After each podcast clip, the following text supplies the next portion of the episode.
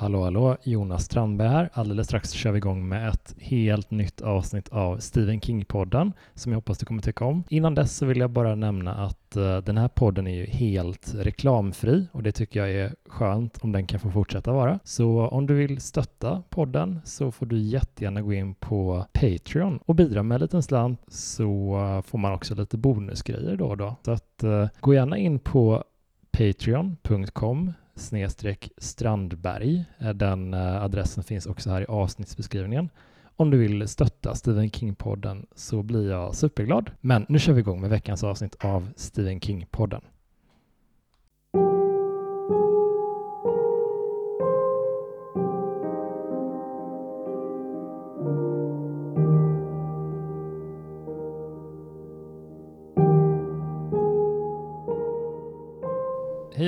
Till Stephen King-podden med mig Jonas Strandberg där jag varje vecka bjuder in en gäst och så pratar vi om en av Stephen Kings väldigt många berättelser och den här veckan så har jag med mig en förstagångsgäst i podden. Välkommen hit Linus Nordström. Tack snälla. Hur mår du idag?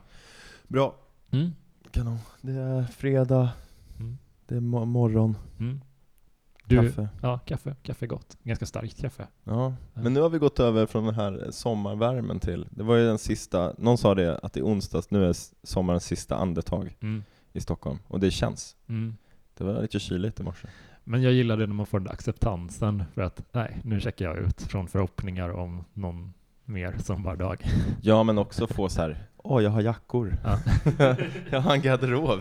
Jag kan använda kläder. Ja, det är härligt. Jag, alla mina t-shirtar är olika band-t-shirtar typ. Mm. Som jag alltid, eh, alltså min tjej tycker att jag har för många sådana här märkliga punkrock-tröjor från när jag var så här 18.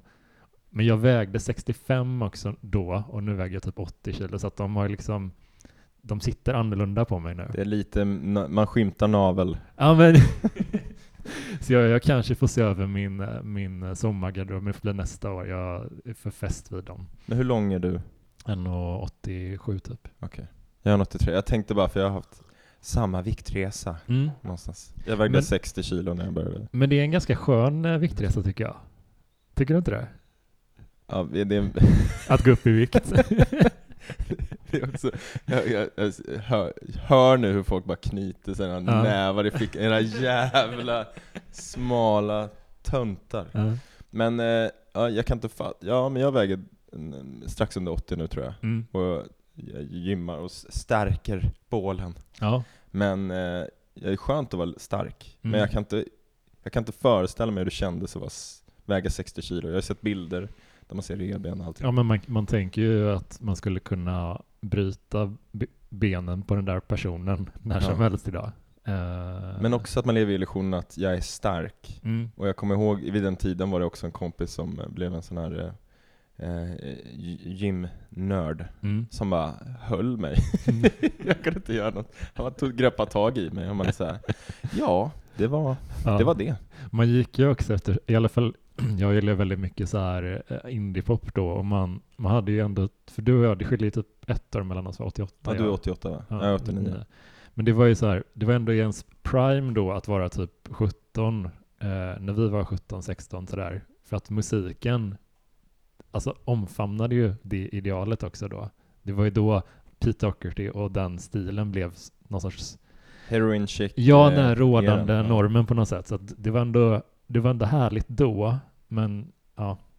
Eh, jag är glad att jag inte väger 65 kilo idag. Ja, jag, hade, jag vägde 60 och hade röda stuprörsjeans. Jag är väldigt glad att jag inte har Exakt det. som här.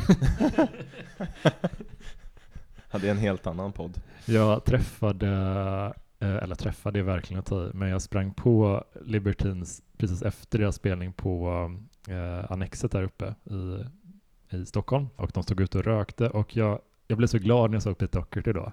Det här var ett år sedan ungefär. Mhm. Och han har ju lagt ner med uh, heroinet he- helt och hållet. Mm. Han käkar cheeseburgare istället Mm. och jag är så glad för hans skull. Ja, men jag såg några klipp med honom när han åt en så här familje-English breakfast. Ja. Det är något stort Jag blir så glad. viralt klipp. Jag Man är är så här, glad att se en engelsk, för detta engelsk, eller han är fort, fortfarande en, en artist liksom, men en, en popstjärna var han ju typ då, en rockstjärna. Att han bara, nej nu, nu, nu vill jag äta god mat istället. Ja, han klarade sig. Han klarar sig, det är fint. Vi eh, ska inte bara prata om Libertines idag och röda stuprör. Ja, det är jag glad för. Det har, jag har inte mycket på Libertines.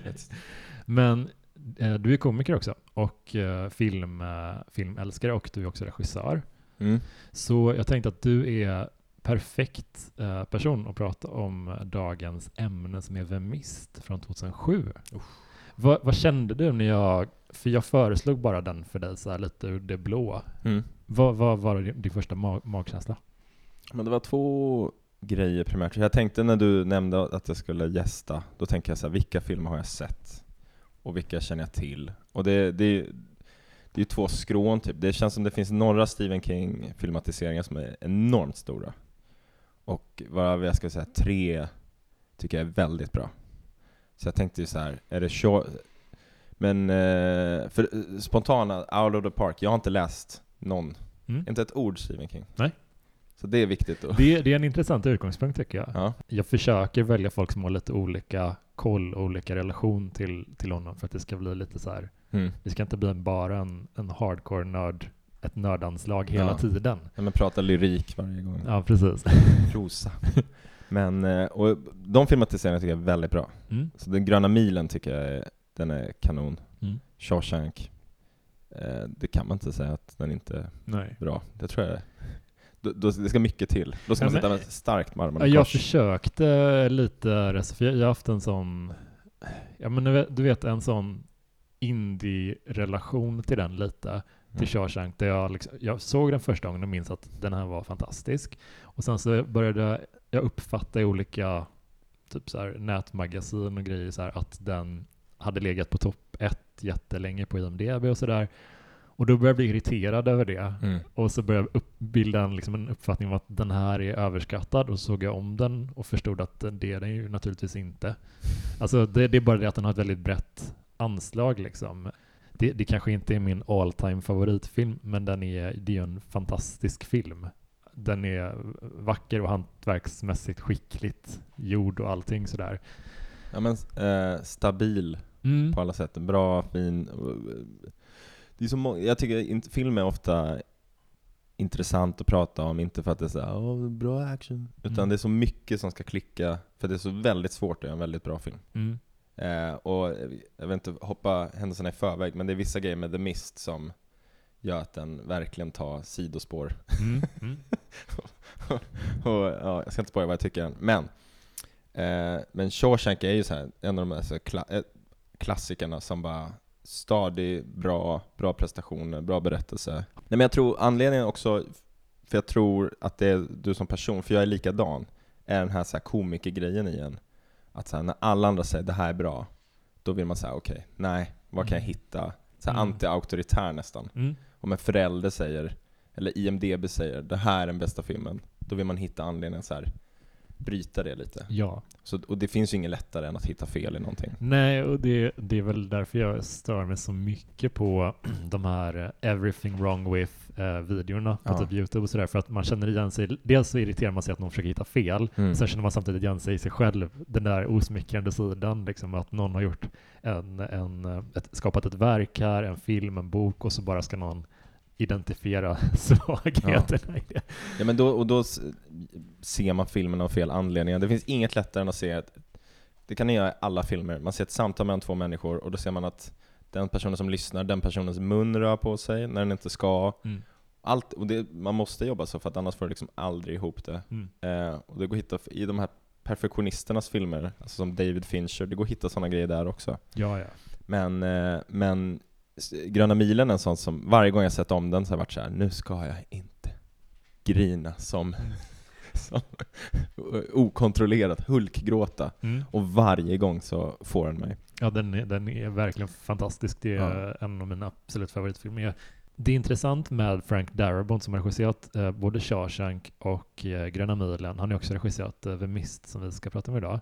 Det är rätt så kul att se hur hans två tidigare filmer har varit lite tonmässigt olika, absolut, men ändå så här fängelseskildringar, sor- sorgsna och eh, sådär fina filmer. Och en värme i, och så väldigt grundat foto. Det finns en värme i, det finns liksom en tyngd i det.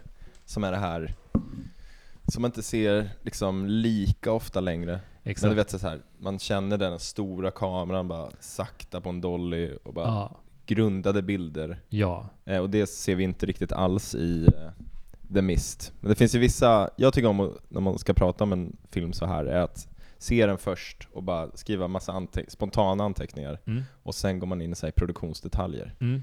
Och det finns ju eh, mycket att säga om båda Mm. när det kommer till eh, The Mist. Ja, vi kan ge lite, lite bakgrund till filmen bara. Eh, den eh, är baserad på novellen med samma namn som ingår i Skeleton Crew. Alltså, den slukar ungefär en tredjedel av Skeleton Crew som har typ så här 25 noveller. Eh, det är den tveklöst längsta i, i samlingen och eh, hade absolut fungerat att ges ut på egen hand också. Jag tror att den har gjorts det i någon så här lite tunnare pocketupplaga. Ja, jag läste att när filmen släpptes, då släppte de en fristående Mm. på typ 138 sidor eller något sånt där. Ja, nej, men den är, den, det är en uh, jätte... Skeleton Crew är min favoritnovellsamling med Stephen King, för den är, den är så späckad med sådana små, små pärlor eh, som är lite kortare, bara 5 till 12 sidor, och sen så har, de mist, har han slängt in The Mist på eh, ja, jättemånga sidor. Filmen i alla fall släpptes 2007 och eh, för att få en liten så här om vi hoppar tillbaka i tiden, 2007, andra skräckfilmen som kom då var 1408, som också är baserad på en. King-novell. Den har jag sett. Eh, och eh, samma år kom även Hostel 2 och Så 4. Jävla filmår. Så eh, jag plockade ut just de två för, lite för att make a point att, att den här perioden var ganska dominerad av eh, men lite tortyrporr. Tortyrporren mådde ganska bra. Det Mm. hade kommit, eh, de, de fick ofta flera uppföljare och det etablerades nya franchises titt som tätt. Typ, och, sådär. Eh, och då skiljer ju sig ändå The Mist och 1408 en, en del från dem, den typen av filmer känner jag. Ja men det känns som att The Mist är, jag vet inte hur man ska hårdra det, men lite ett offer för den Gore-grejen. För det, en spontan grej jag kände, de elementen som är med i The Mist, sen som sagt, jag har inte läst Mm. novellen, men eh, de känns så onödiga. Alltså hela den där, det första gången, direkt när man ser, om vi är på det här eh, tentakelmonstret Mm. i första hand, di- direkt besviken. På visuellt liksom. Ja, men också hur de skulle gestalta liksom att han får sitt, den här eh, killen från American Pie, Ja, ja. som jag läste att Frank Darabont inte visste. Ja, Mm. jag läste att eh, Frank Darabont tydligen inte visste att han var jättestor i, American Pie när de Mm. castade honom. Mm. Men jag tycker han är väldigt bra. Ja. Men just den här lilla tappen han får av tentakeln i början, och det Mm. bara sprut. Direkt var man så här, va? Va? Ja, jag fattar vad du menar. Jag har sett den här filmen kanske fem eller sex gånger med den här gången eh, som för podden. Så jag har en det är kul då, för då har vi lite olika relation till den. Ja, Jag, jag, tycker, jag tycker väldigt mycket om den. Ja. Eh, så det, jag ska försöka stå på mig. Jag tenderar ibland att glida åt att hålla med mina gäster lite. Ja, gör inte det. Men jag ska verkligen Jag anstränga mig. gillar när, om man inte gör det. Ja men det är bra. Hela plotten är ganska simpel. Vi följer en liten eh, en småstad som... eh, Maine va? Ja, precis. Mm. Ligger i Maine och eh, som bara helt plötsligt ändå drabbas av en fruktansvärt tät dimma. Och, En, en storm först ja, va? det är en, en, ett riktigt oväder först och sen så följer en dimma dagen därpå. Ja. Liksom. Det händer få gånger har jag sett en film med så lite tid på etablering av Ja, karaktärer, det miljö. Det går i intro. Det gick väldigt, Bara, väldigt fort. blixt, blixt.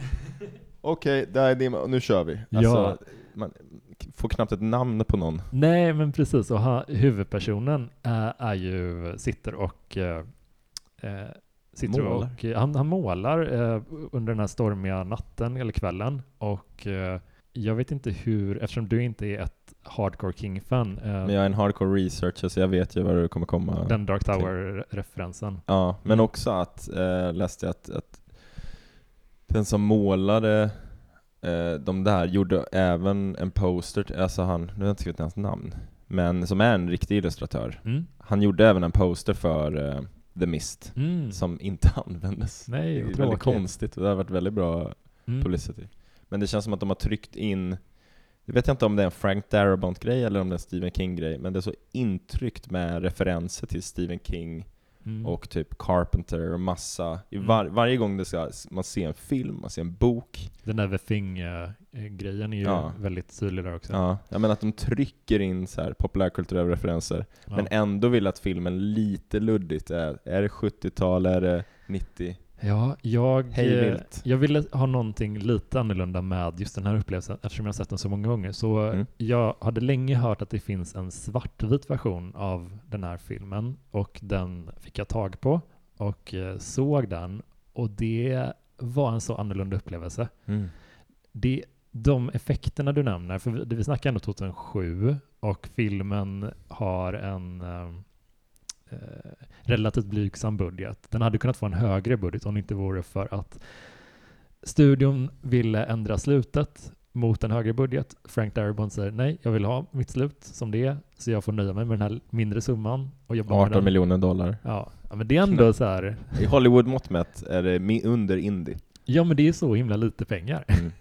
Jag tror Och- Gröna milen hade 60 miljoner dollar i Ah. produktionsbudget. Så om man, om man ska jämföra ändå något som Frank Darabont gjort och som en Stephen King-förlaga, Mm. så att vi får...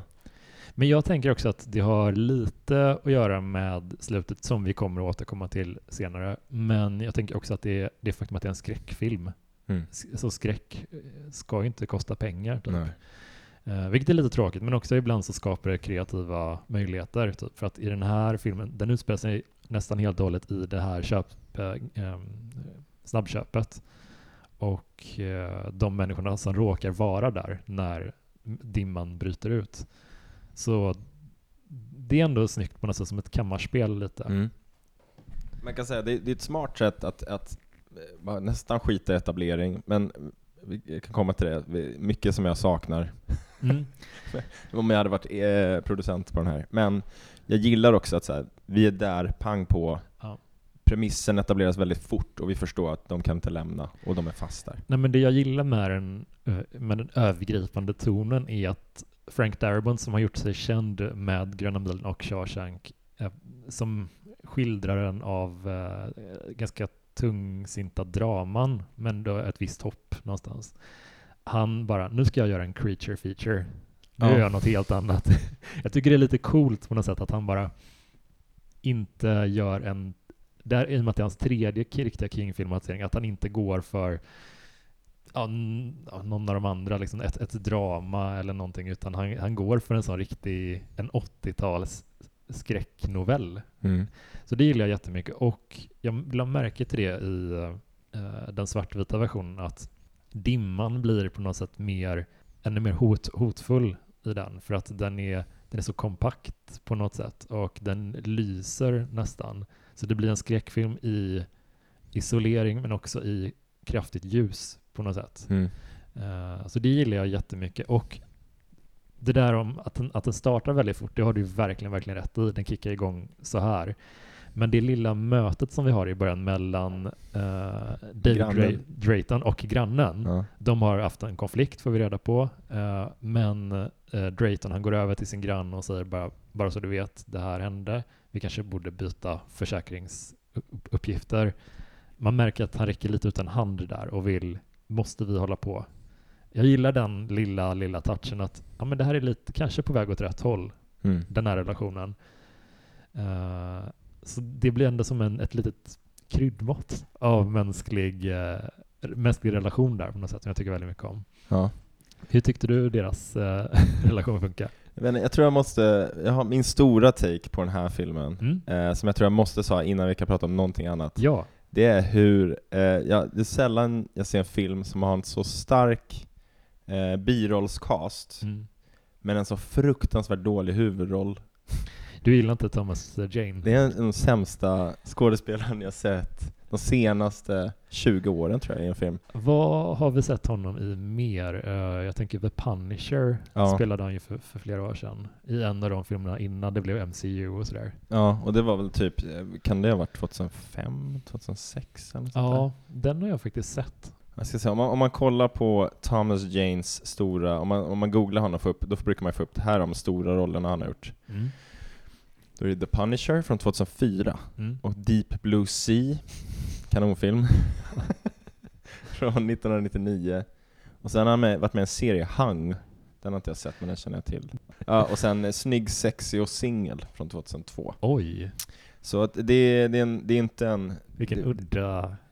batch med filmer. Ja, men jag skulle säga att det gemensamt man kan se på de här är ju att det, det är inte filmer där eh, man vill ha en, en stark skådespelare, utan det är mer bara, här är ett, vi kan ha ditt ansikte och filma av det.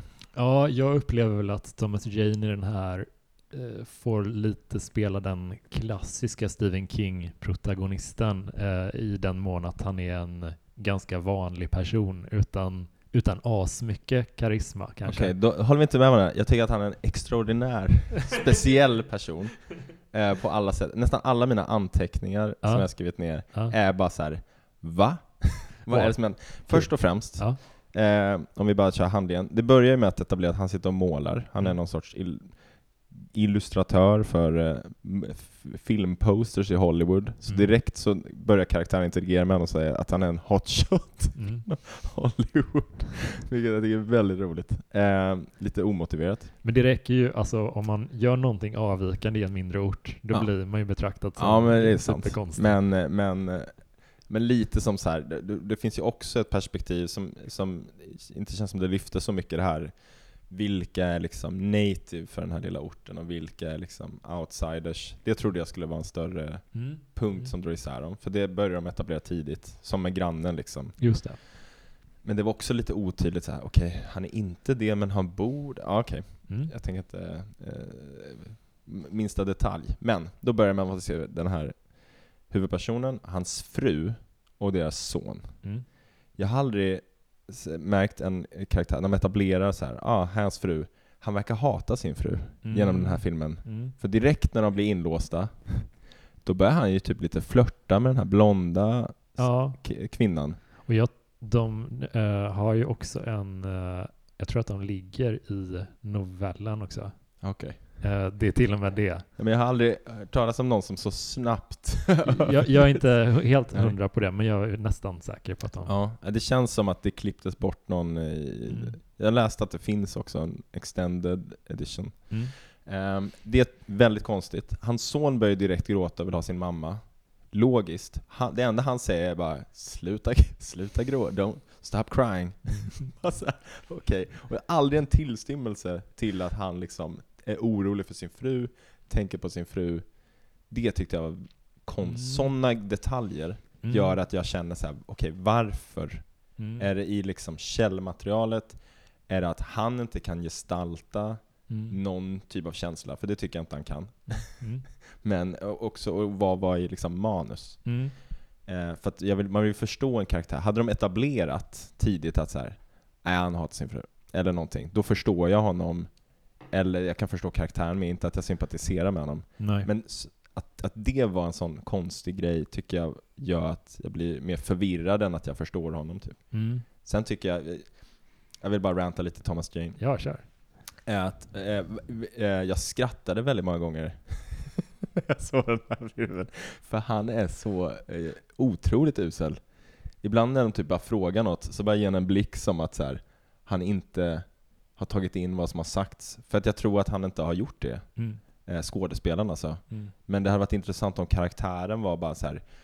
Du, måste, du blir vår protagonist för att du måste. Mm. jag trodde, jag vill bara säga också, jag trodde jag hade sett det mist. Mm. Men jag, eftersom vi typ är lika gamla, jag tror att jag har sett delar av den på typ TV3 Mm. eller Sexan eller något sånt. Mm. För det gick ju filmer där hela tiden. Och du kanske har sett The Fog också? Nej. Carpenter. Den är, den är toppen faktiskt. Ja. Ja men så, så när jag premissen om det här var eh, taggad. Ja, det, det är inte bara att jag kommer såga den ifall Mm. ni tror det. Nej, det, det går bra. Man får göra det. Men just att han var så eh, fullkomligt, jag tycker va, i varje scen han är med i, jag försöker hitta så här, jag, jag tycker det är intressant med en protagonist som inte är en en eh, hundraprocentig eh, så här, råbarkad, perfekt person. Mm. Men jag ser inte det riktigt i liksom materialet, jag ser bara att det är konstigt gestaltat av honom. Mm. Som det här den första gången han upptäcker det här ljudet och så kommer han in. Den, den scenen gillar jag ändå, för Mm. att han är så konstig. Ja. Att de bara, "Va- vad, vad, vad gjorde du där? Och han bara, jag hörde ett ljud. Mm. Och jag reagerar ju som alla andra karaktärer där reagerar. Vilket är logiskt, att så här, vad fan menar du? Mm. Och han är bara konstig. Ja. Det gillar. Jag- Men jag tycker i resten av filmen är det bara faktiskt Thomas Jane som gestaltar känslorna fullkomligt uruset hela tiden. Men eh, kan du inte känna då att hans, eh, hans ständiga förvirring, jag tycker ändå den funkar med tanke det på den, det är därför jag skrattar. den situationen han, de försätter sig liksom så här, bara, vad fan är det här? Vad, vad, vad, är, vad är det som händer? Jo men jag- det han- gillar jag, så, men så reagerar ju alla andra, Ja. men han, han, han gestaltar ju inte det, utan han är bara, alltså jag tror att, som man i hans huvud så ser man liksom en tecknad figur som bara eh, kört lokomotiv runt, runt eller någonting. Det liksom händer inget i hans huvud, och så när då han tar beslut, Mm. då blir de ju helt så här. Så det är ju en scen med hans son, där hans son är bara nej, Mm. gör det inte. Mm. Han, Mm. Ja, men jag- det är inte det här som är Interstellar typ, att det är ett Nej. barn som bara nej snälla gör det inte, jag måste. ja. Utan han bara... eh, han är liksom Ah, helt väck i huvudet. Alltså jag tycker typ eh, han, eh, jag tycker han funkar helt okej i filmen. Det, det är inte, jag känner inte lika starkt mot honom som, som du, men jag reagerade på en grej. Och det här vet jag är lite känsligt för folk som eh, tycker väldigt mycket om den här filmen. Och det är jag slut- tror att de, de, jag har ju redan tappat dem. Nej, men så här, Ja. jag, jag är på er sida till 95 procent. Men jag kände att slutet eh, på filmen, vi kan hålla lite på det, men det finns Mm. en grej där som jag känner hade, hade de by- bytt, haft en annan skådis så hade det funkat mycket bättre. ja, Det hade hit home så mycket starkare i den. Alltså jag, jag har så scenen. mycket att säga om den scenen. För jag gillar, mm.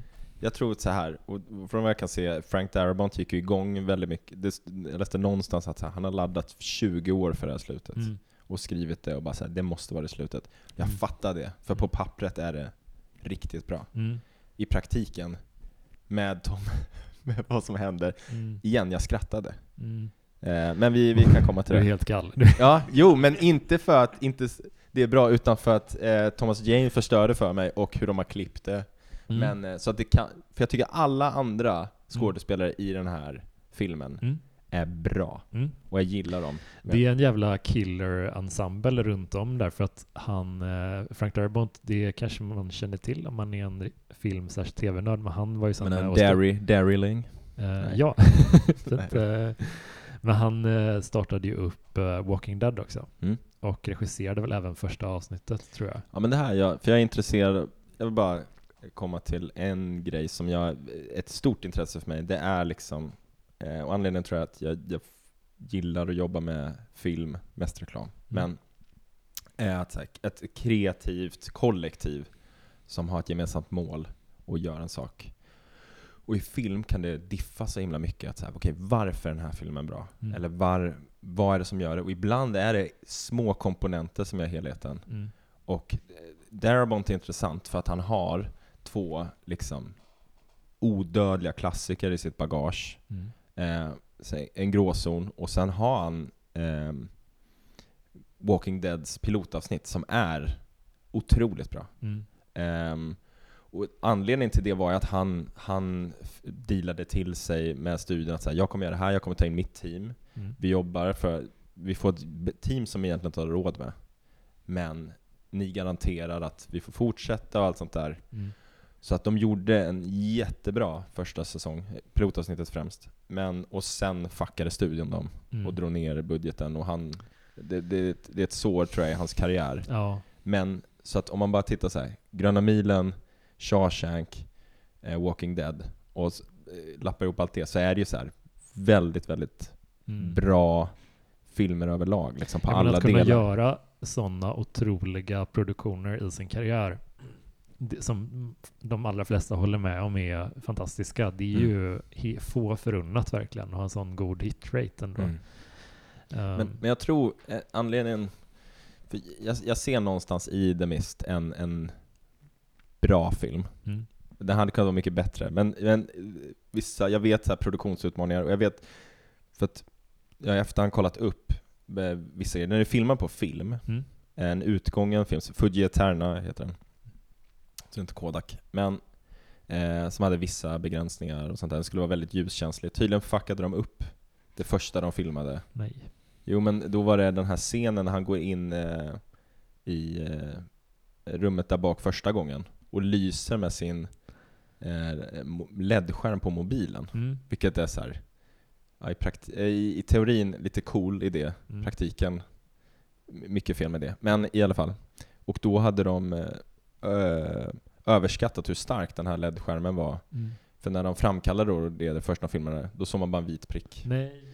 Eh, så det, det var liksom det första inspelningsdagen, så det gick redan fel och sen löste det sig väldigt mycket. Den scenen är ju fortfarande kvar, jag tror de kanske filmade om den. Men eh, det de sa var att, att väldigt kort förproduktion på filmen, bara fyra veckor. Och Vad innebär förproduktion? Förproduktion är liksom bryta ner allt, casting, kostym, location, allt, allt i arbetet. Det tar ju ofta mycket längre tid än själva inspelningen. Och då eh, sa jag i en intervju att, att Frank Darabont sa att det var bara fyra veckor. Det m- näst kortaste perioden jag haft i någon annan film med två månader. Mm.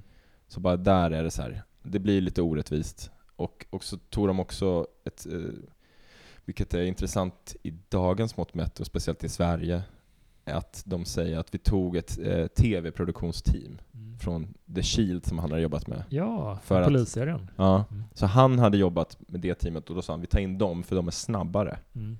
Och då hade de en, eh, en så second unit också som parallellt jobbade med grejer.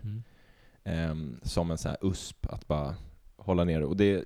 Sånt tycker jag, om man, om man vet det och så jämför man The Mist med ja, de här högre budgeterna, då känner man det nästan i fotot. Det är liksom rörigare, Mm. det är liksom någon bild inkastad för att täcka något annat och lite sånt där. Mm. Speciellt typ när de blir attackerade då, de här krypen. Ja, och just eh, klippningen reagerade jag lite på att den kändes så här, nu är den här scenen slut, då är det en kort svart ruta, nästa scen. Mm. Det är en lite speciell eh, rytm i den Mm. på något sätt. Jag gillade väldigt mycket att mm, de huvudrolls, liksom hela ensemblen är fångade i det här köpcentret, eller vad man ska säga, den här butiken. Och det pågår liksom hela tiden saker i bakgrunden. Man, man Mm. känner att hela ensemblen är typ på plats under hela filmen. Eh, just man ser någon gå förbi i bakgrunden som bara, ah, det är ju eh, han från eh, Captain America. Den här butiksinnehavaren som sen får pistolen. Mm. Eh, Toby Jones tror jag han heter, skådespelaren. Tycker jättemycket om hans roll i den här. Ja, det är för väldigt bra. Han, eh, det, det kom ju fram att eh, Amanda tror jag det är hon kvinnan som Thomas Jane sp- spanar in lite.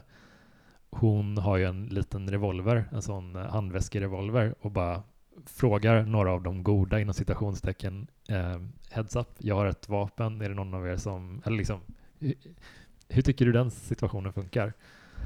Den scenen? Jag skrattade Ja. som är att han, han kommer in och säger ja men jag är, vad heter det? Gun champion eller han har ju ägnat sig åt någon Ja, pistolskytte. han eh, Toby Jones, han är ju, ju tävlings eh, Ja. Ja, och så tar han, ja, men han tar ju alla liksom så här kulor, sätter i dem väldigt naturligt. Men då ligger de väldigt länge på att han har pistolen öppen och sen gör han lite så här flick. Mm. Och då, då skrattade jag för att reaktionsbilden då på butiksägaren är så här. Kan du göra så? Och det känns som att så här, det kan väl vem som helst. Det är ju inget som jag... Kunde de inte gjort något annat för att visa att han... Jag Ja, fattar, det är svårt att visa så här. Det hade varit väldigt töntigt om man skulle göra en sån här gunslinger-grej som är en sån här gamla... Nej, men jag gillar att han hanterar lite vapnet som en, en farbror som, som är med i en pistolklubb. Mm. Han stylar inte sådär. Väldigt korrekt. Ja, men, men han så gör ändå det här lilla movet. Ja, men han, eh, fyll, han, han laddar vapnet ganska, det går lite halvlångsamt. Han är mer noggrann än stylar. Eh, det är inte som i The Gunslinger eller liksom Dark Tower-filmen där han laddar om den i luften. Ja. Eller vet du, klassiska, man snurrar på den. Ja, nej, det är inget sånt. Det är inte den Nej. där cowboy-grejen, utan det är en farbror som är intresserad av pistolskytte. Men jag tycker ändå det är intressant för att det är en butiksägare som verkligen in, alltså som verkligen klankat ner på honom Mm. varje gång han kan. Och sen med det lilla movet gör, gör att han fullkomligt ändrar Mm. sig. Men och jag, jag tycker allt med den karaktären är toppen. Mm. Jag tycker det finns så många st starka roller och rollprestationer.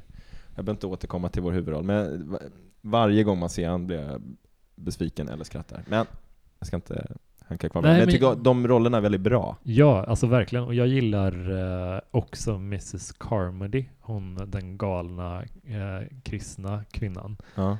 Jag tycker hon är en intressant eh, brandfackla på Mm. något sätt. Att man vet att ah, har man växt upp på en liten ort så det finns en så, minst en sån person i varje litet samhälle, ofta i större städer också.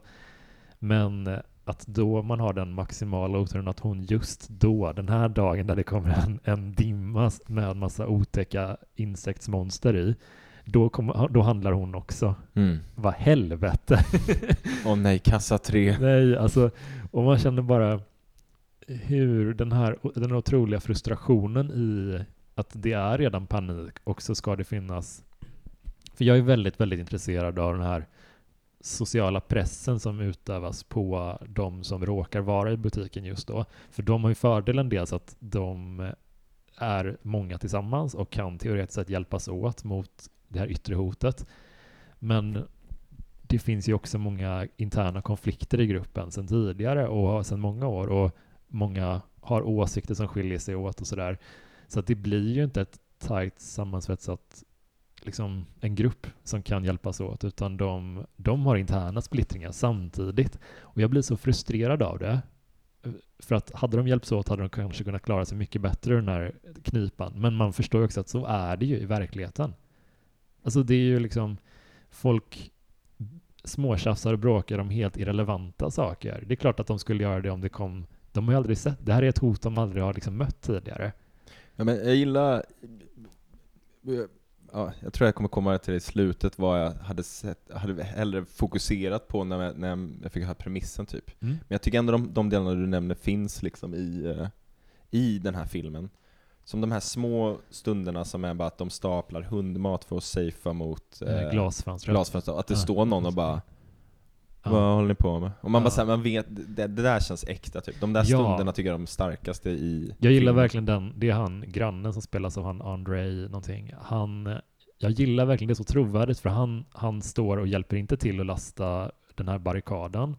Uh, han säger bara typ uh, jag, jag tänker försöka ta mig härifrån i alla fall uh, istället för att stapla hundmat. Och bara, han, han uttrycker sig på ett sånt retoriskt sätt som för att nedvärdera det de gör. Det är ju inte det de gör. De försöker ju bygga en mur.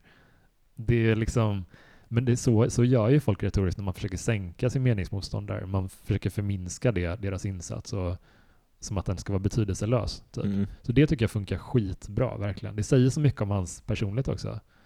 Ja, men jag gillar faktiskt allt med honom. Sen tycker jag det, en störig grej tycker jag var, eller var så här, du vet hur man trappar upp den här filmen, mm. var att jag störde mig väldigt mycket på när de väl ska ge sig iväg, mm. så gillar jag att det finns något i att, men tyvärr då var det en scen med Thomas Jane, men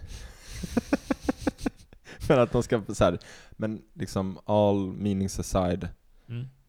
eh, gå inte. Nej. Och den scenen hade, eh, som missad chans tycker jag, mm. synd. Men det var, det, det tyckte jag var intressant så här och det tycker jag är styrkan i filmen också, att hur människor beter sig i de här situationerna. Men när de ger sig iväg, och att det hade kunnat vara sånt fokus på det, och mm. att de bara försvinner tyst, och sen är vi kvar i det. Då ska han den här bikern ge sig iväg samtidigt. Ja. Det tyckte jag var så här. varför? Mm. Låt dem gå, och sen ja. är de fast i det hopplösa, och sen bara, ja men nu, vi försöker det här då. Mm. Som du vet, så att vad man tänker, så hade det ju varit, att så här, de här små stegen mot att sakta okej det här hände, sen hände det, sen hände det. Mm. Det hade känts så mycket tyngre och typ kraftfullare på något vis. Istället ska allt typ hända samtidigt. Ja, men jag kan ändå lite köpa den grejen. Jag tycker dels om Bikern som karaktär, för han är så här, eh, han, det känns som att han hade varit, han ser ut som karikatyren, en sån rassig eh, småstads eh, motorcyklist liksom, typ. Eh, men han är ju typ the, the polar opposite of Mrs Carmody. Mm. Han är ju också troende säger han, men han refererar till hennes gud som den där hämndlystna, det är inte min gud typ. Jag tycker ändå om den um, polariteten mellan deras uppfattning av vad religion är typ. Jag gillar med det, jag tror bara, jag saknar den här lilla extra stunden typ. Att han skulle få vara så här. vet ni vad? Jag är mm. det här och, ja. och, och, jag ger mig ut typ. Det, det, Men det, tänker du inte sådär typ att när, när någon har börjat bryta monotonin i en sån låst situation, en sån dödläge, då känner jag typ att, ja men det är ju då folk vågar. Okej, nu, han har liksom hållit sig tillbaka hela tiden och nu bara, okej, fast nu går folk ut. Nu kanske det, att det bryter ens, uh, vad heter det, låsning mentalt på något sätt. Jo, kanske. Men jag tycker bara cinematiskt att säga, mm. okej, få vara i en stund ja, och känna någonting och se någons reaktion.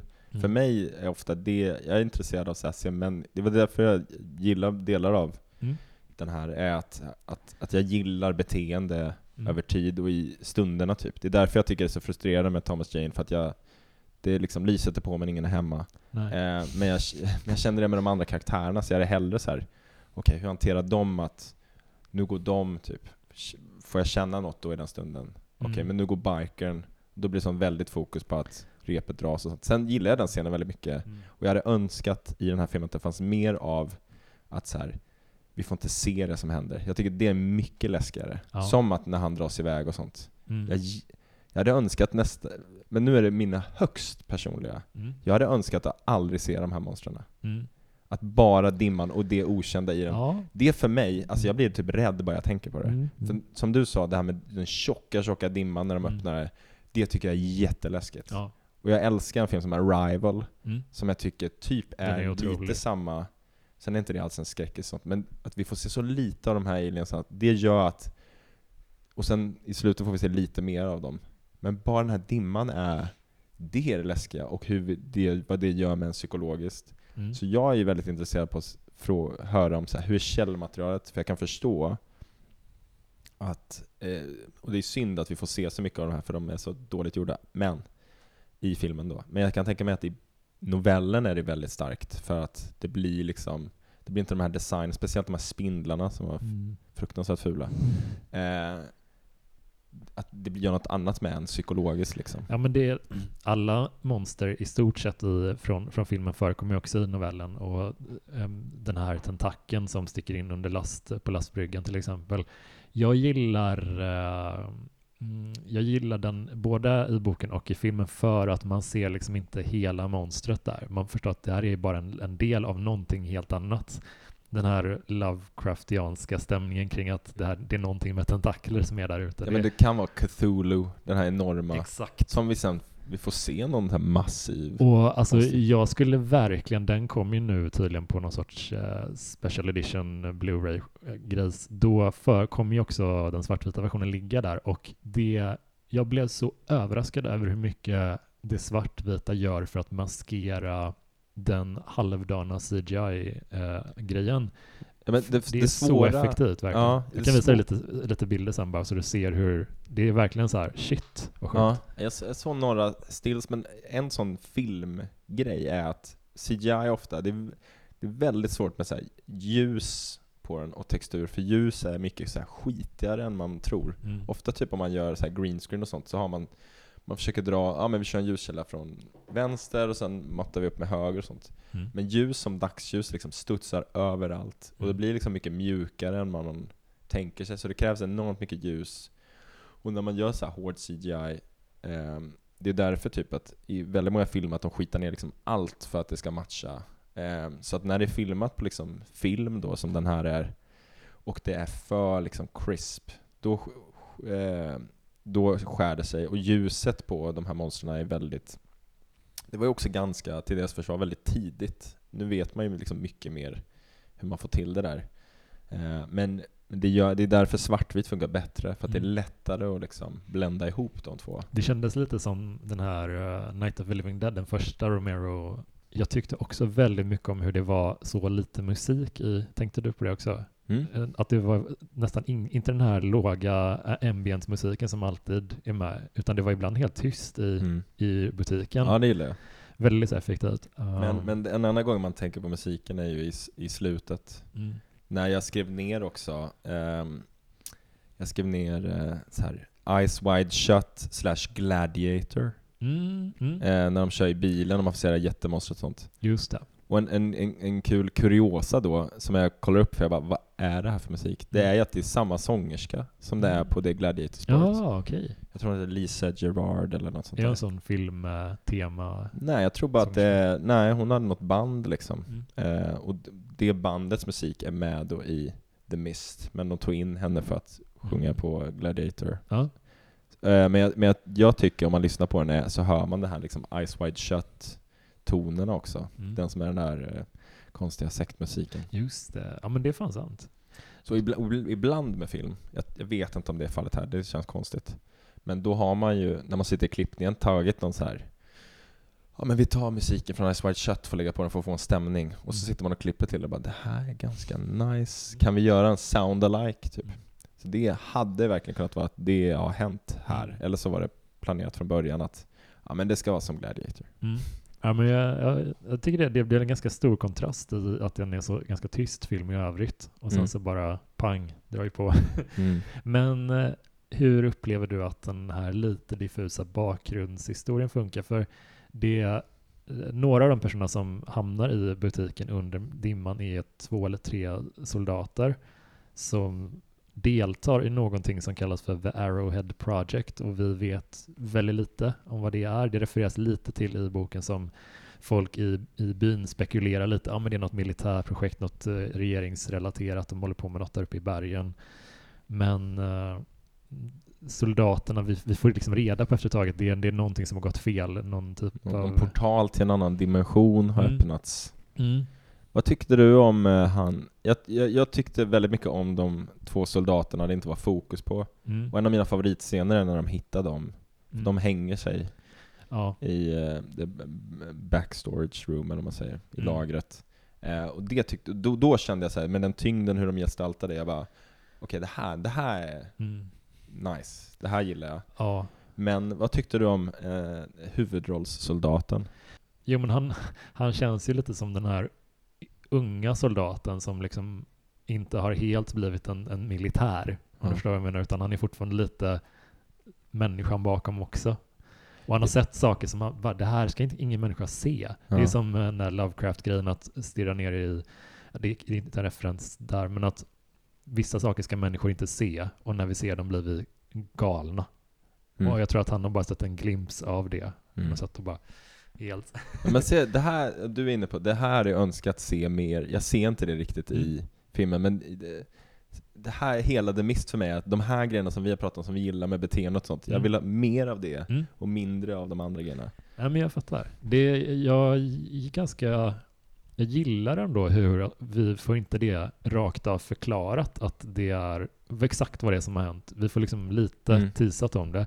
För det fanns tydligen, läste jag någonstans, att eh, i, ett, i manus från början så fanns det en scen som var en prolog typ, där eh, vi ser militärbasen där de utför de här experimenten och i någon typ av eh, kapsel eller någonting så håller de på att öppna den här portalen Mm. och den expanderar och så pang. Eh, sen är är tillbaka i, i där filmen börjar nu. Mm. Och jag tyckte det var så, ja, men så svagt att behöva känna att man behöver förklara det. Mm.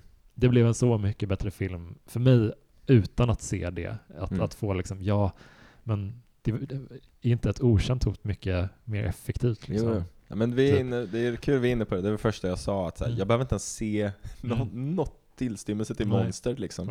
Eh, men jag tyckte, jag blir nästan som en, eh, jag inte om jämförelse, jag har så här gamla släktingar som bara 'Men hur ser han ut?' Mm. Det, det, det tänkte jag på varje gång man såg honom, jag tänkte bara 'Vad är det här för Ja. person? Mm. Hur ser han ut?' Nu tänker du på Alltså, eh, bara, soldaten eller? ja hans eh, komplex, eller vad man säger. Mm. Jag säger, vem är han? Jag började typ googla honom Mm. separat, för jag bara, vad är det för snubbe? Vad har, Ja. ser han ut så här? Ja. så, det var så, eh, lite distraherande, men eh, det gör han. Mm. Eh, så det var ju väldigt spännande.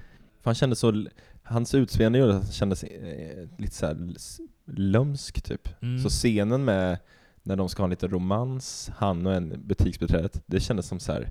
jag fick ett väldigt obehag. Hade du en dålig känsla för honom? Har liksom? enormt dålig känsla, och sen visade det sig att så här, nej men nej, han är bara han, det, det var ingen lömsk, jag tänkte så att "Nej, han är lömsk. Jag gillar bara hur han såg ut liksom. Alltså jag gillar väldigt mycket, nu när du säger det, så det är en bra... För att jag reagerade på hur, eh, hur olika alla i butiken såg ut. Det låter kanske lite banalt, men om man ser mo- modernare produktioner nu så känns det som att folk är ganska lika på något sätt. Att, att folk är, alla är ganska snygga så. Även, det, det är ingen som vågar vara gammal, det är ingen som vågar vara osminkad eller så, utan alla är ganska sitt bästa jag hela tiden. Piffiga. Ja, det, är, såg, det är så tråkigt verkligen. Och här är det liksom ganska vanliga människor som går och ska handla lite för dagen bara. mm, Och det tyckte jag kändes jätte, jättekul, alltså rent visuellt roligt att, att se. ja men de går ner, speciellt han, eh, eh, han som sen får vapnet, Mm. som vi gillar mycket. Mm. Han får ju stubb nästan direkt. Alltså han, man gillar så här, alltså, okej, jag vet inte hur lång tid som har gått, men jag Mm. känner att det här tär på de här människorna. Ja. Men det är också en sån grej jag nästan lite mer så här, klättra på väggarna-känslan typ. Att det, är så, ja, det gestaltas lite, men jag tycker det, sånt är jag intresserad av. Men eh, vi, vi hann inte riktigt det. Men jag gillar väldigt mycket Pestens tid, eh, som också King har gjort. Och den här upplever jag är nästan som ett Pestens tid i ett mikrokosmos. Typ. Att, att istället för att hela USA är skådeplattan så är det en liten närbutik. Mm. Och eh, för det som händer är ju sen att Mrs Carmody, hon, eh, hon är ju en galning och alla vet om det. Men på något sätt så lyckas hon ändå få med sig eh, en stor del av gruppen, eller en allt större del av gruppen, för att hon säger någonting, en, en spårdom eller förutsägelse om de här varelserna typ. Och, eh, Hon läser väl typ från Bibeln och säger det här ska hända, det ja, händer, det kommer komma sådana locusts sen och det är en del av undergången typ och bla bla bla. Och så gör det det och sen så kommer en av dem in genom den krossade glasrutan, sätter sig på hennes bröst och eh, biter henne inte utan flyger vidare. Vad tror du den scenen, vad, vad hände där? Ja, eh, den har jag faktiskt eh, fått upp när jag så här, i efterhand då läste om det. Mm. Det är någon som skriver att så här, troligtvis är det som, det är så insekter brukar bete sig att de sticker inte om de inte blir hotade. Mm. Och hon står ju helt lugn och bara sansad. Ja, Så det kan ju vara antingen det eller att den känner liksom rörelse eller sånt där. Mm. Vi får inte riktigt förklaring. Det tyckte jag var konstigt. Jag läste någonstans att så här, nej men de här eh, djuren känner, reag- vissa reagerar på ljus, andra reagerar på lukt. mm. Och det är något som är så här, var har ni fått det ifrån? Det nämns liksom aldrig i nej. filmen att de skulle reagera på lukt. han, eller hon säger, Mrs Carmody, jag tror det är samtidigt som när insekten sitter på henne, så säger hon My life for you. Och det är ju en referens till uh, Randall Flagg som är den stora djävulsfiguren i Pestens tid. När han rekryterar nya liksom, hantlangare, då börjar de liksom typ tillbe honom lite och säger My life for you, my life for you. Mm. Så att jag säger inte att Randall Flagg är bakom kulisserna här, men jag tror att det finns en medvetenhet i det med tanke på hur Frank Darabont verkligen verkar ha järnkoll på Stephen King. Så det är nog ingen slump att det är nog en liten blinkning åtminstone till Men är King sån som håller lite såna, alltså är det med i novellen den? Eh, Line. oj, det minns jag inte riktigt, men... Men är eh, han generellt en sån som lite så här, den skulle, knyter ihop det på så Ah. att det skulle kunna vara samma värld? Jo men absolut, han har en organisation som jag försökte verkligen gräva lite mer i, eh, som heter The Shop, som förekommer i eh, Firestarter, Eld- Eldfödd, och i uh, Tommy Knockers och eh, också Pestens tid lite grann, som är någon sorts lite skuggig regeringsorganisation som sköter de här kon- konstiga uppdragen. Eh, en spekulation är att de ligger bakom det här experimentet också. De, de nämns ju aldrig by name i uh, vare sig i filmen eller novellen, men det antyds lite att de kanske har något med det att göra. Och de, de dyker upp lite här och var i hans böcker som någon sorts eh, märklig organisation. Så. Men jag tycker en grej som är, eftersom det här blir eh, mer då min, eftersom jag inte är så insatt i Stephen King, jag har ju bara sett de här filmatiseringarna. Mm. Jag är ju väldigt intresserad av så här beteende Mm. och människor, beteende över tid. Så jag känner ju bara så här, men kunde man inte bara fokat på det i den här? Det, det, det är min stora Mm. grej. Men, och jag läste någonstans att Stephen King blev inspirerad att skriva den här novellen för att han var i en sån här matbutik, tittade upp mot glaset för att det var sånt glas och tänkte Undrar vad som skulle hända om en stor insekt flög in Mm. i det här. För att det, det liksom är så här. Och det var så han kom på att börja skriva den här. Shit. Så att Kul. vad är, vad är det med han och hans berättelse typ som är liksom drivet? För sen, om det blir starten på att vilja skriva den här, jag menar någon som bekant, om vi bara tar en jämförelse, är typ så här, Ruben Östlund Mm. som hade attackerat den här filmen på att så här, vad händer när människor stängs in typ? Det är ju hans start på att börja skriva en sån här berättelse. Mm. Medan Stephen King kommer från helt andra liksom, monsterhållet. Mm. Är det så generellt eller vad är hans... Jo, men han gillar ju att eh, ställa ett yttre hot kontra ett internt hot. Det skulle man kunna säga är någon sorts återkommande tema hos honom, att det finns, finns ofta monster eller andra varelser, men det är den splittringarna inom gruppen som inte är monstren. Det är det som är ofta det in- intressanta, upplever jag kanske. Och sen rädslan, liksom vad, som, vad den gör med folk och sådär. Det är väl det är väl ganska, ganska åt, återkommande ändå. Liksom. Mm. Ja, men jag tyckte det var det är intressant. Men den har ju även inspirerat till exempel Silent Hill, eh, PGA Dimman, spelet, och även spelet eh, Half-Life. Eh, PGA, den här eh, portalen som öppnas och sådär. Mm. Och jag läste den som en liten kuriosa grej att Half-Life skulle hetat Quiver, tror jag, från början, som en arbetstitel, som är referens till, det är Cougar på engelska, som är referens till uh, Arrowhead. Mm. Så det var så här, de gillar den också jättemycket. referens, till Ja. referens. Eh, väldigt, eh, en mycket sämre titel, men en gullig referens i alla fall. Jag tycker en som blir, en, en scen som, den motiveras ju men den blir lite konstig i utförandet tycker jag. Vad tycker du om apoteksscenen? Jo, men den, den tyckte jag om för att i den scenen så är det ju en av soldaterna som är, i, har massa här spindelväv på sig och verkar vara typ kontrollerad nästan av dem, Mm. av de här insekterna. Och han säger typ förlåt, det var vårt fel. Mm. Och sen eh, ja, kläcks någonting ur honom. Mm. Typ. Jag tyckte den var, återigen, det, det kanske är förmildrande, men i den svartvita så såg det väldigt alltså, creepy ut för att det bara hängde grejer på honom och man såg liksom inte riktigt vad det var. Typ. Ja, de här eh, bu- utbuktningarna på honom som Ja. man sen förstår liksom Ja men den tror jag, den vill nästan bara se den för det svartvita för jag tror att hela den scenen är bättre i mm. nästan kontext. ja, det var verkligen... Jag tyckte nog den allmänna känslan när jag såg om den var ju typ att det, den, jag upplevde att den var väldigt lyckad på många sätt. Liksom, att, att det, var, det är kul att se vad som händer när man tar en duktig regissör som är allmänt kreddig och upp, alltså prisbelönad och sådär och en jätte, jättebra cast till stö- större del i alla fall. Och eh, tar dem till en skräckfilm för att se vad som händer. Mm. Det, det, det blir liksom en helt annan tyngd i det då. Det är nästan lite orättvist att den tävlade mot, vad var det, Hostel 2 och så 4 det året, om Mm. sk- skräckpubliken. För att det är, jag tycker verkligen det är en annan kvalitetskänsla när det är en person som vet hur man gör en bra film, som får göra genrefilm. Um, så ja, jag vet inte. Det, jag kände väl kanske lite att på något sätt att Darabont och King tillsammans som lite äldre i, i gamet, typ att de fick gå in och göra den här filmen och det, att det, det, det höjde verkligen kvaliteten för skräck det året kände jag Mm. under den här perioden. Att det bröt lite den här monotonin av så och hostel-uppföljare. Visade vägen att man kan göra någonting annat också. Mm. typ så. Den har, jag återkommer till det, jag tror hade det bara varit scen med spindlarna som kommer ut och att det är någonting, du vet nå- någonting som bara Mm. jagar dem, Mm.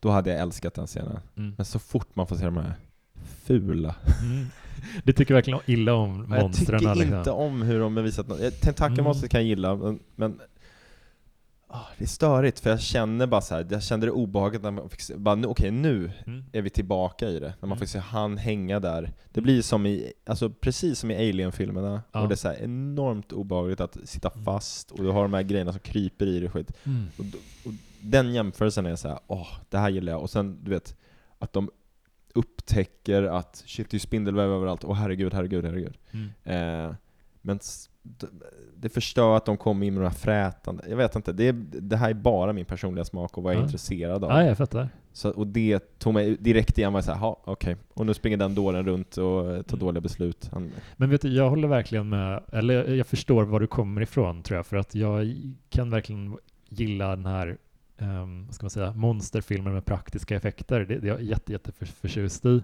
Och tycker det, ser, det finns en annan fysikalitet i, i det, det är en annan tyngd i, det, hur de rör sig och sådär. Men nu när jag såg om den så kändes det som att, ja men den här den svartvita. Ja, ja precis. Ja, att ja. Det är verkligen, monstren blir så mycket mer, man ser inte detaljerna på dem lika väl. Alltså man de här små ansiktena som... Nej, man ser inte dem. Man ser liksom bara de här eh, små gripklorna de har kring Mm. munnen och sådär. Det, det, är, det gör någonting med stämningen typ. Och jag tror att, eller jag vet faktiskt det, att King skrev en liten, eh, i eftertexterna till Skeleton Crew, då skrev han typ att han föreställer sig den över Mist-boken som att se en svartvit creature feature-film och och så kommer sen Darabont och bara, här är den. Ja, Men jag läste det också i Procot, att flera hade sagt till Darabont att så här, du den här skulle nog vara bättre i svartvitt. Och jag tror att de, alla kom ju från samma eh, perspektiv tror jag, precis som jag som kände att bara, Mm. ni fick inte till det med Nej. specialeffekterna och färgerna på de här monstren. Det här är konstiga lilla lila och... Men tror du att det är, för jag tror inte att det är s- 100% år, årtalet som sp- spökar där, utan kanske, kanske kan vara budgetsituation, Det tror jag tidspress definitivt. typ och sådär. Definitivt. Eh, för det var väl lite därför han, Taika Waititi, han ehm, eh, regissören som gjorde sig känd för Tor 3 till exempel, Ja, och ja, mycket annat kul. ja. Han satt ju någon sån eh, YouTube-intervju och trash-talkade eh, folk som hade gjort visual effects och sådär. Och samtidigt hade det läckt ut att Marvel typ piskar sina animatörer, liksom verkligen Mm. behandlar dem som skit. Att han började få lite så här sänkt anseende tror jag är det.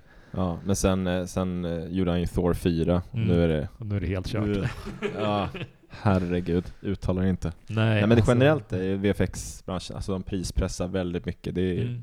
tufft. Mm. Eh, det är väldigt, väldigt dyrt och det tar väldigt lång tid. Mm. Eh, jag har dabbat lite i det där, men, men det, är så, det är så enormt arbete för att få det att se riktigt, riktigt bra ut. Mm. Och då när man pressar och ska göra mycket grejer, det, det är svårt. Ja, för det är många olika typer av varelser vi får se i filmen också. Mm. Det blir ju verkligen så.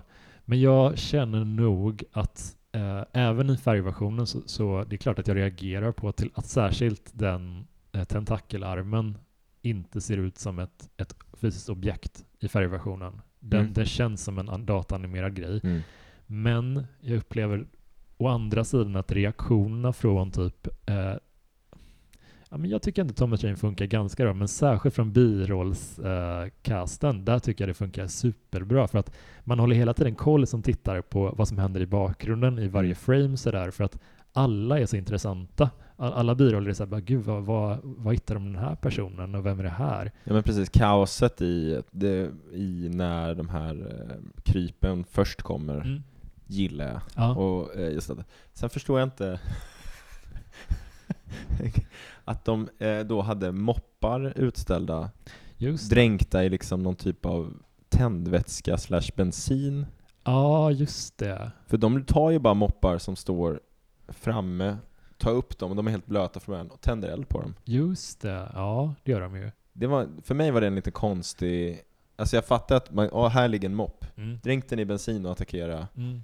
Men att de just tog upp dem från den här mopphinken. Ja, det är lite konstigt. Där, där de missade en, en scen där någon häller bensin i Men hink. det är så här, alla bara Frank, det är inte så att man moppar golv med bensin. Inte, Men den, men det blir rent som fan. alltså jag, det, det fanns en missad chans där för mig, alltså manusmässigt, att då den här dåren Tom, Thomas Jane karaktär, vad heter Eh, karaktären? David eh, Drayton. David Drayton. Mm.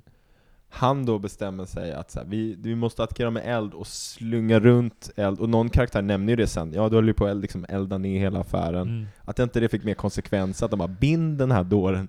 Att det hade varit intressant han för manuset att och- okej men ja. vi, vi har ingen stark ledare, eh, fan advokaten gick och dog, Mm. så nu får han vara ledaren. Mm. Och att det skulle vara då att, nej, han Mm. försökte elda upp oss, Ja. Han är inte ledaren längre. Och det gör att den kristna kvinnan liksom stiger upp, att det är ett sånt misstag typ. Att det får konsekvenser det här superkorkade Ja, men det, det, det är sant i och för sig. Jag Gillar en, hoppa lite här, men jag gillar verkligen hur hon tanten som kastar eh, konservburkar på den här kristna dåren. För då, då, då alltså det blir så, eh, men ganska komplext ändå på något sätt att det man behöver inte vara en religiös dåre bara för att man ser ut så här. Man behöver inte vara en fun- fundamentalist för att man är en, en prydlig dam i, den, i en små, amerikansk småstad eller en biker. Alltså man kan liksom ha lite olika, det, det blir ett intressant, det blir intressanta små mikroporträtt. Ja, där. alltså henne gillar jag Mm. väldigt mycket. Och När hon jagar insekter också. med eh, eller den här sprayen och tändaren. Ja, Tycker det är Ja, det är en väldig, väldig Äl- flamethrower. älskar när eh, karaktärer slår tillbaka mot hot i filmer. Det är typ Mm. en av mina bästa. Bara äntligen får ni Ja, underskatta inte mig, kolla. Nej men kolla in. det, det är sånt, jag gillar verkligen det. Eh, Ja, men och, och det ska jag säga, alltså hela ensemblen under tycker jag är starkt, scenerna med dem. Det är därför man så här, klipp bort han, Mm. foka på de här bra karaktärerna Ja. som är så här, hon tycker jag är kanon. Ja. Eh, gillar allt med henne. Mm. Men sen, eh, eh, det går ju snabbt ja. Utför. Ska vi hoppa till eh, slutet? Ja, jag, jag skrattade när vår, eh, då, återigen huvudperson, Mm. oförtjänt, ska stoppa eh, den här eh, militären från att bli offrad. Mm. Det var konstigt istället, för att Ja, folk för det håller som händer- tillbaka till honom. Ja men precis för att hon, den, eh, Mrs Carmody, hon, hon bestämmer liksom att vi ska kasta ut den här militären, är det han som har orsakat det här, den här knipan vi hamnat i. Vi Mm. måste offra honom. Och alla går med på det. Ja, Jag var, kan ändå Mm. köpa det på ett sätt. De, de är liksom helt rubbade, traumatiserade och det är... Ja men jag kan ändå se det hända liksom. På något sätt. det svåra med den här är ju att, att köpa hur de stegen går. Jag, jag fattar det, men jag tror att hade man fokat lite på det här nedbrytandet, tiden och bara så här, vi har ingenting, alltså att få vara i de stunderna så att sen det motiverar det mer. Mm. Då hade jag köpt det, men jag, så här, jag fattar Ja, för någon av karaktärerna dit. säger också så här att när hon börjar småprata lite med andra och de börjar lite lyssna på henne, då är det David då som säger typ att jag kommer inte vänta på att den här Jim Jones eh, situationen kommer spåra ur. Mm. Det är ändå, Ja, men att det blir som jag säger, jag gillar också jag hade velat se mer av som han butik, i butiken som då hänger med, jag kommer inte ihåg vad den karaktären heter. Han den här lite hetlevrade, typ mekanikeraktiga just det. mannen som följer med då till apoteket och sen är helt traumatiserad efter det. Mm. Och då efter så här religiös fundamentalist. Mm. Det är ju en, han förankrar vi oss i att förstå hur de når dit. Mm. Så det är ju det lilla vi har grepp på. Jag hade velat ha mer av det för att förstå beteendet och bara Mm. motivera det typ. Mm. Men det, jag bara skrattar åt hur de hade gestaltat att han är så här, för han spelar så dåligt återigen, att så här, åh nej, nej, Mm. stoppa dem och alla försöker stoppa Mm. då vår huvudperson. Det var eh, lite konstigt, men jag gillar den scenen också på när han, han bara blir utkastad eh, Mm. ehm, och då uppäten av något jätte, jättemonster. Mm. Och man ser verkligen den här, eh, en av dem som var lite hoppat på Mrs Carmodys sida, han står och möter den här snubbens blick. Ja det är väl han, han som vi pratade om, han Ja, som ja. är den här. Just det. Jag tycker den är så, man ser, han är så död och dum i blicken. det är galenskapen, Man ser liksom. att det har hänt någonting i, i honom. Allt medlidande är borta liksom. Jag Ja. gillar den scenen. Men alltså då, efter, efter, kort efter det så försöker ju David och några till och eh, Davids son då, de vill lämna och de försöker fly ut. Det, de blir stoppade av Mrs Carmen som säger okej ni kan få gå men vi, eh, vi vill ha barnet i så fall. Och då blir det ett tumult som slutar med att uh, Toby Jones karaktär, den här lilla kortväxta butiksinnehavaren, han skjuter Mrs Carmody. Först i bröstet, sen i huvudet. Den Mm. scenen gillar jag. Mm, tycker jag också. Så med. hur den är gestaltad. och, Tycker, och hur man känner hur luften bara går ur de här Ja. dårarna som har hoppat på hennes sida. ja, det är som alltså- att de vaknar. Ja, det, det känns så jävla trovärdigt på något sätt tycker jag. Mm. Hur, hur det, bara, det, det är ju det enda som har, det är en ha, hastigt sammansatt grupp av en instabil ledare som sen när, när hon rycks ur spelet så de är helt vilsna. Men där hade jag saknat, jag saknat att ligga mer i det, att det blir mer som så här misery typ. Att det är så här, nu är det ett enormt obehag och det finns ett hot. Jag känner aldrig att, så här, att hotet fanns där. Mm. Det var liksom så här, lite upptrappade, de här grupperna. För, precis som är eh, briljant i The Shining, är att säga nej nej, det livsfarliga är inte där ute, det är här inne. Mm. Och det, jag hann inte känna det, jag tror att de klippt bort lite där, för att det är som att den här stora, bultiga mannen kommer med en kniv.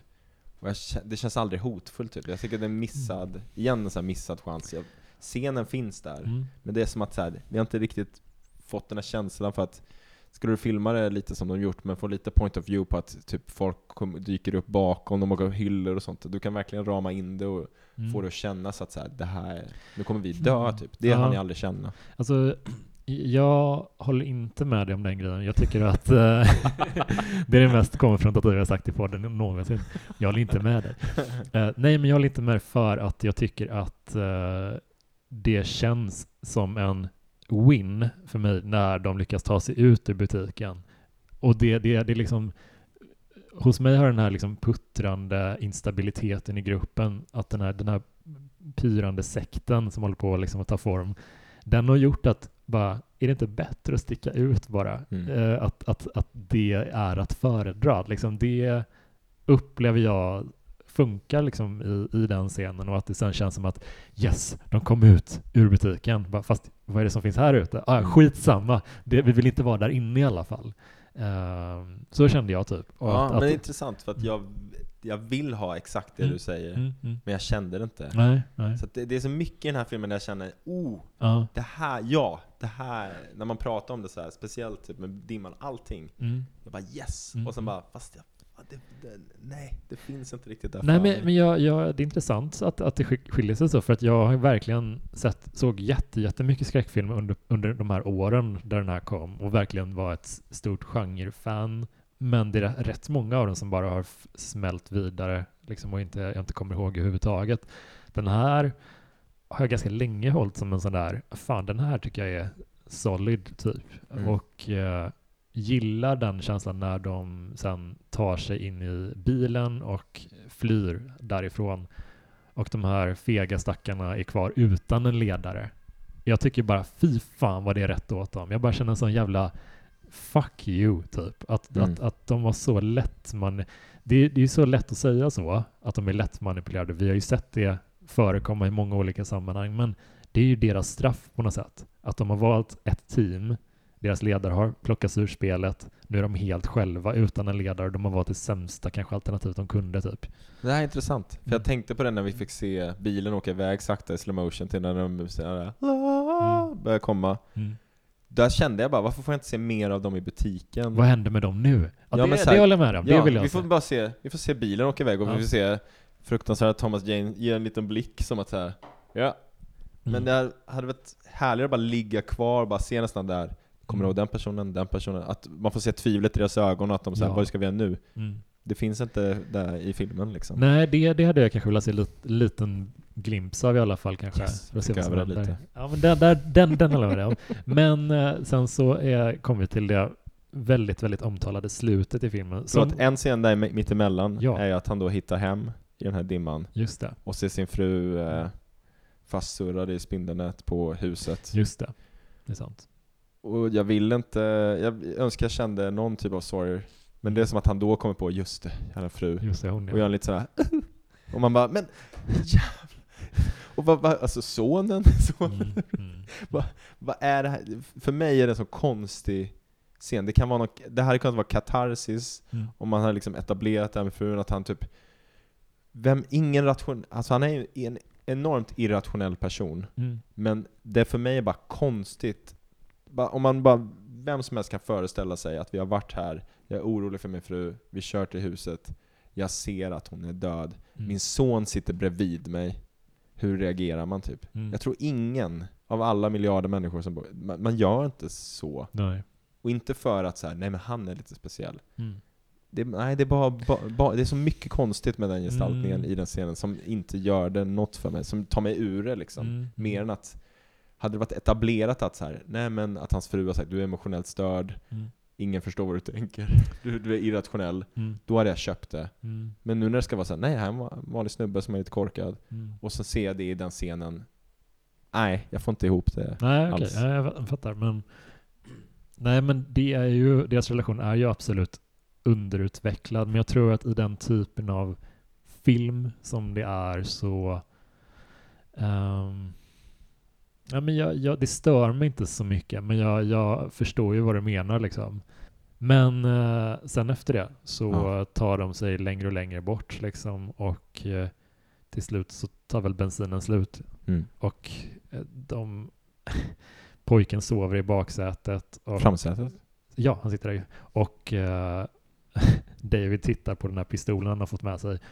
Räknar de kulor som fortfarande funkar. Förlåt, skrattade eh, igen där. För han, Gud, jag hade hatat att se den här filmen på bio med dig. Jag hade hatat det så mycket. Jag bara, men vad fan. ja, men det, jag är detaljperson. Jag Mm. gillar typ, alltså, jag kan skratta åt en blick eller någonting. Mm, mm, Men sättet han slänger de här tomma hylsorna, mm.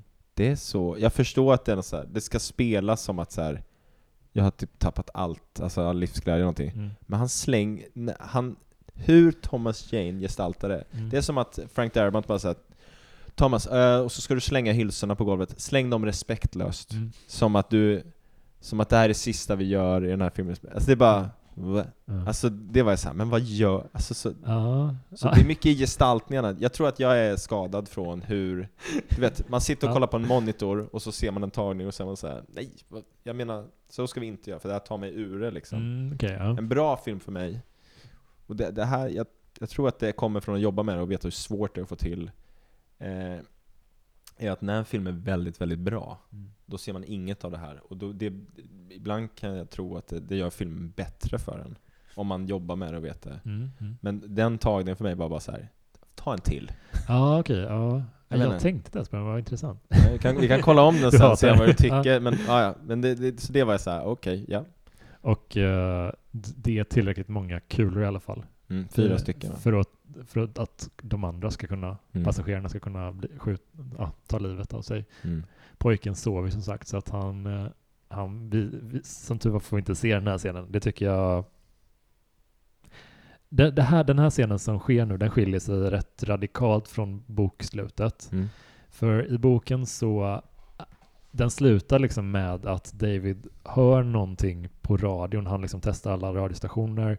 Han hör att någon säger Hartford, tror jag. Och det är den vagt ambiguous tonen som det slutar på. Att det kanske finns någonstans eh, en, Hopp. En, ja, ett hopp någonstans.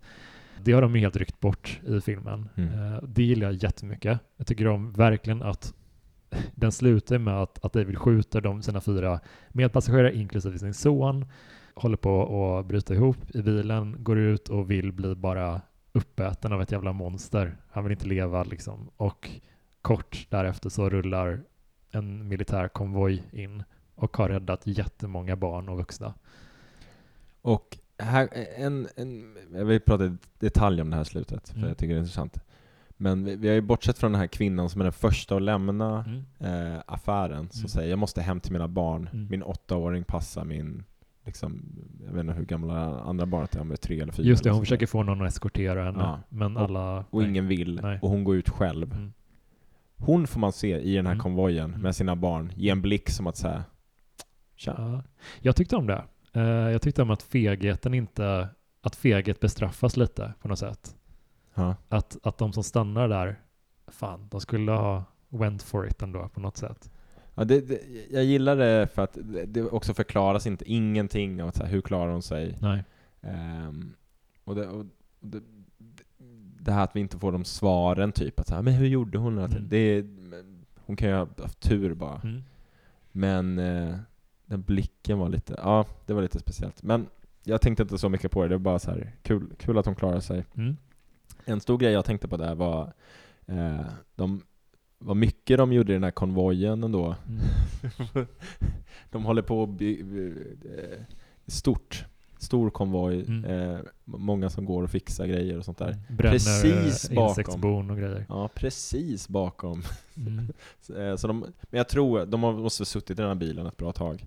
Ja, Ehm, men eh, jag älskar slutet Mm. eh, generellt. Jag tycker det är ett, ett otroligt modigt, hopp, hopplöst slut som man nästan aldrig ser på det sättet. Jag tycker det, det, det, är ett, det är en King-filmatisering som vågar gå ganska hårt, alltså hårdare än många skräckkonkurrenter på det sättet. Liksom att på samma sätt som i It Chapter 1, att man får se hur Georgie får armen avbiten och skriker av smärta. Ett Mm. litet, litet barn. Det är liksom inte något man riktigt får se i så många andra skräckfilmer. Eh, Jag gillar också att det blir en tydlig så här, sensmoral och, Ja. och tema i att så här, ge aldrig upp hoppet. Nej, jag tycker det är jättemodigt slut. Mm. Som nu när jag såg om den så var det väl det enda jag lite... Jag tyckte Thomas Rain funkade ganska bra Aha. men, överlag, men jag tycker att i den scenen där han precis har skjutit alla, det är någonting med han... Det är svårt att se hur folk reagerar i chock, men om man till, jämför, det är jätteorättvis jämförelse för att... Nej, jag tycker inte det. Nej, men, så här, jag tänker Jag på... helst. Jag tänker på eh, ett, ett Tom Hanks i eh, den uh, Captain Phillips-filmen. Mm. När han liksom har liksom avvärjt pirathotet typ mot slutet och blir omhändertagen av ambulanspersonal sista scenen. Han sitter där och börjar skaka av liksom efterchock typ. Det är ju typ ett av de bästa, alltså en av de bästa rollprestationer jag någonsin har sett tror jag. Hade kanske velat ha lite mer av den genuina, genu, alltså det, det, det är svårt. Det är någonting med hans sätt att reagera. Han skriker rakt ut och får liksom ett ångestvrål, verkligen Thomas Jane, och sen så är han sitt vanliga ansikte igen. Mm. Så skriker han igen tillbaka. Jag upplever att han hoppar lite in och ut ur känslan i den scenen. Men sen... Varför? Det, det, är en otrolig gestaltning. Nej, det börjar bli satiriskt. Alltså grejen är att det förstör inte för mig, för Nej. att jag har liksom, jag tycker jättemycket om slutet, men det, det stör, det kliar lite så, skulle jag säga, den scenen när han, sitter, när han fortfarande sitter kvar i bilen och skriker. Uh, det tycker jag är, det är inte hundraprocentigt för mig heller, men jag tycker att det funkar bra efteråt när han, när han kommer ut, om man ska bryta ner i små fragment, när han sjunker ihop på marken och bara har tappat det totalt. Den tycker jag han gör ganska bra. Liksom. Jag tycker, uh, men det är ju för att uh, då är han i sitt, i sitt esse som mm. skådespelare, mm. är ju bara såhär, nu ska du inte, du ska ha tappat det, mm, mm. ska ta någon tillstymmelse till, du är helt väck. Mm, mm. Ja, jag stör mig jättemycket på den gestalten. Jag har sett, man har sett chock, sen är det ju som du säger i situationer så agerar man inte rationellt och sånt. Det är svårt att bedöma hur folk skulle ha gjort. Liksom. Vi, ja. bara, vi kan ju bara jämföra med det vi är vana vid att se liksom, i hur film, film har gestaltat chock tidigare. Ja, liksom. men jag tycker ett, ett bra, en, en jämförelse då, om man ska säga så här, ja, men hur agerar man i en krissituation? Alltså Gone Girl är ett bra exempel på hur gestaltar man någon som inte riktigt vet hur de ska bete mm. sig. Mm. Och det, det, är en väldigt bra gestaltning av det. Mm.